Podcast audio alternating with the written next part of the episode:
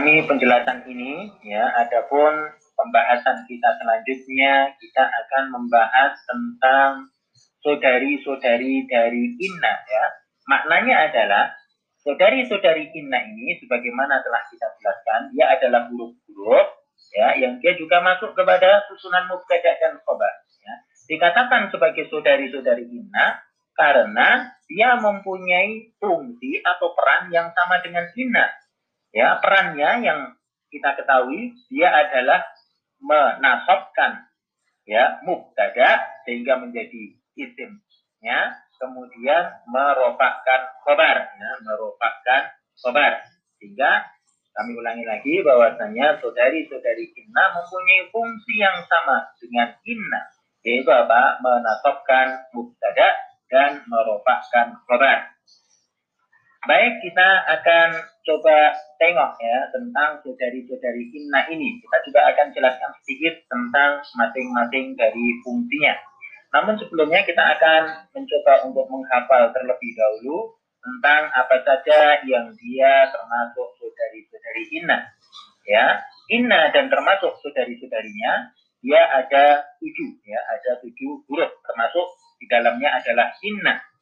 Ya, kalau boleh kita singkat dengan cara menghafal maka bunyinya adalah inna anna laitaka anna lakinna la'ala la. Ya sekali lagi. Inna anna laitaka anna lakinna la'ala la. Ya kami ulang sekali lagi. Inna anna laitaka anna lakinna la'ala la. Ya.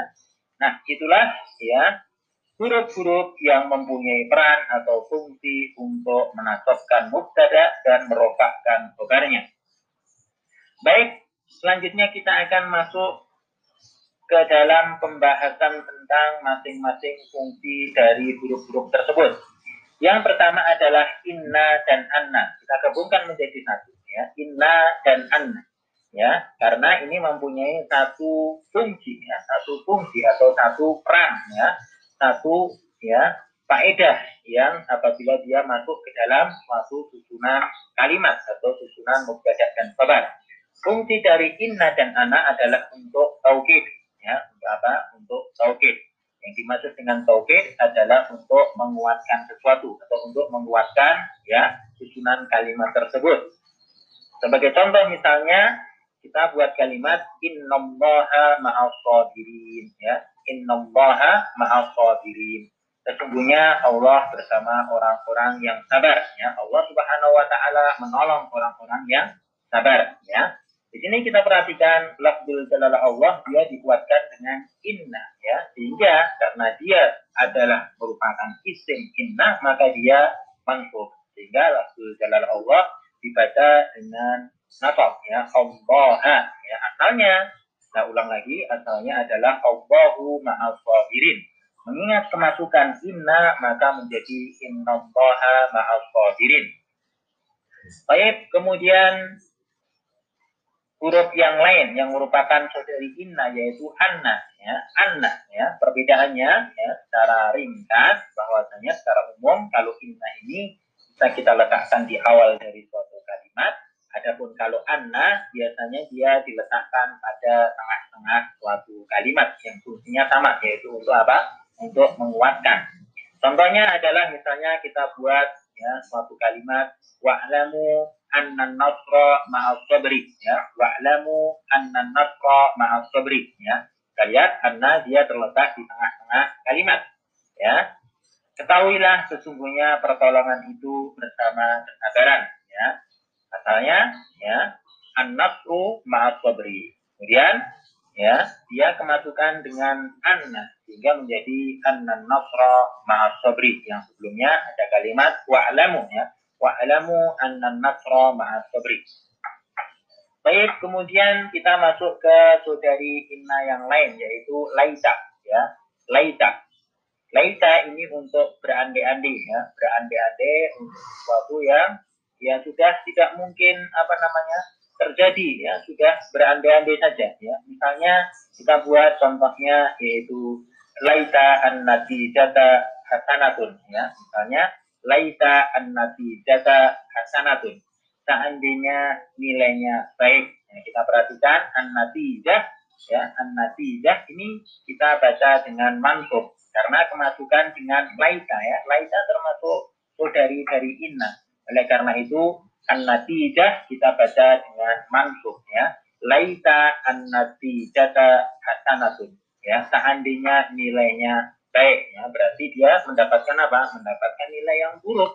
Kemudian dia berandai-andai ya andai saja nilainya apa? Nilainya baik. Maka kita gunakan huruf ya pengandai-andai yaitu laita yang dia merupakan dari dari inna. Sehingga kalimatnya menjadi laita an-nati jata hasanatun. Asalnya apa? Ya asalnya an-nati jatu ya hasanatun.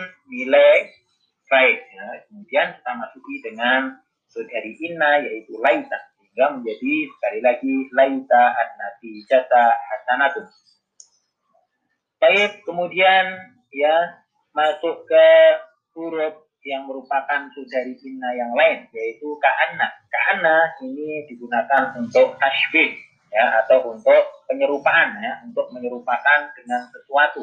Misalnya kita ambilkan contoh ka'anna umaro asadun ya, ka'anna umaro asadun ya. Umar bagaikan singa ya untuk menyerupakan bahwasanya Umar itu eh, Umar itu mirip dengan singa ya karena dilihat dari ya keberaniannya ya kita gunakan ka'anna untuk menyerupakan ya ka'anna umaro akadun umar bagikan singa ya Baik, kemudian kita masuk ke huruf yang lain yang merupakan saudari dari inna yaitu lakinna yaitu apa? Lakinna. Lakinna dia mempunyai fungsi untuk menyatakan kebalikan dari kalimat sebelumnya. Jadi ada kalimat sebelumnya akan tetapi kita ingin ibaratnya menyangkal ya kita ingin menyangkal. Maka kita gunakan dengan latin kita gunakan dengan apa? Latin bagi contoh misalnya al kitabu sogirun lakinnahu mufidun ya. Al kitabu sogirun lakinnahu mufidun ya kitab itu kecil ya. Biasanya kitab kecil itu kan dia manfaatnya sedikit. Akan tetapi kita sangkal itu ya. Kita sangkal dengan menggunakan apa? Lakinna ya. Lakinnahu mufidun ya. Akan tetapi berfa berfaedah ya. Lakinnahu mufidun ya. Di sini uh, isim lakinnanya dia adalah gomir ya. Gomir kita ingat bahwasanya gomir itu mabni ya. Gomir itu apa? Mabni ya. Sehingga nah, tidak mengalami perubahan sehingga al-kitabu saghirun lakinnahu mufidun Baik, kemudian huruf yang lain yang merupakan saudari dari inna adalah la'alla. Adalah apa? La'alla. La'alla ini digunakan untuk suatu pengharapan, ya, suatu pengharapan. Ya. Sebagai contoh misalnya la'alla al-jawwa muqtadilun, ya. Mudah-mudahan udaranya nyaman ya, udaranya nyaman. Muqtadil itu tidak panas, tidak dingin ya, tengah-tengah. Berarti apa? Nyaman ya.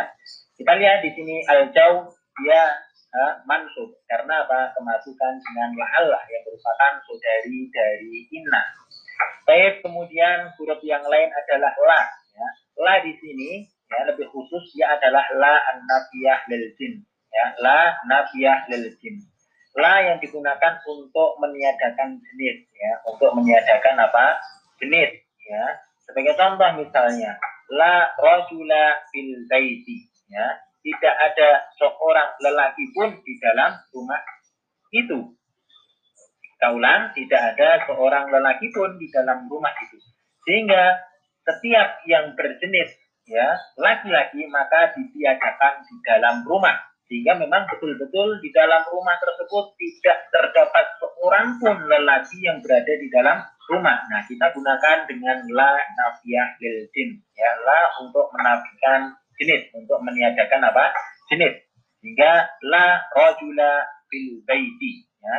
La rojula fil baiti. Baik itu merupakan saudari saudari dari inna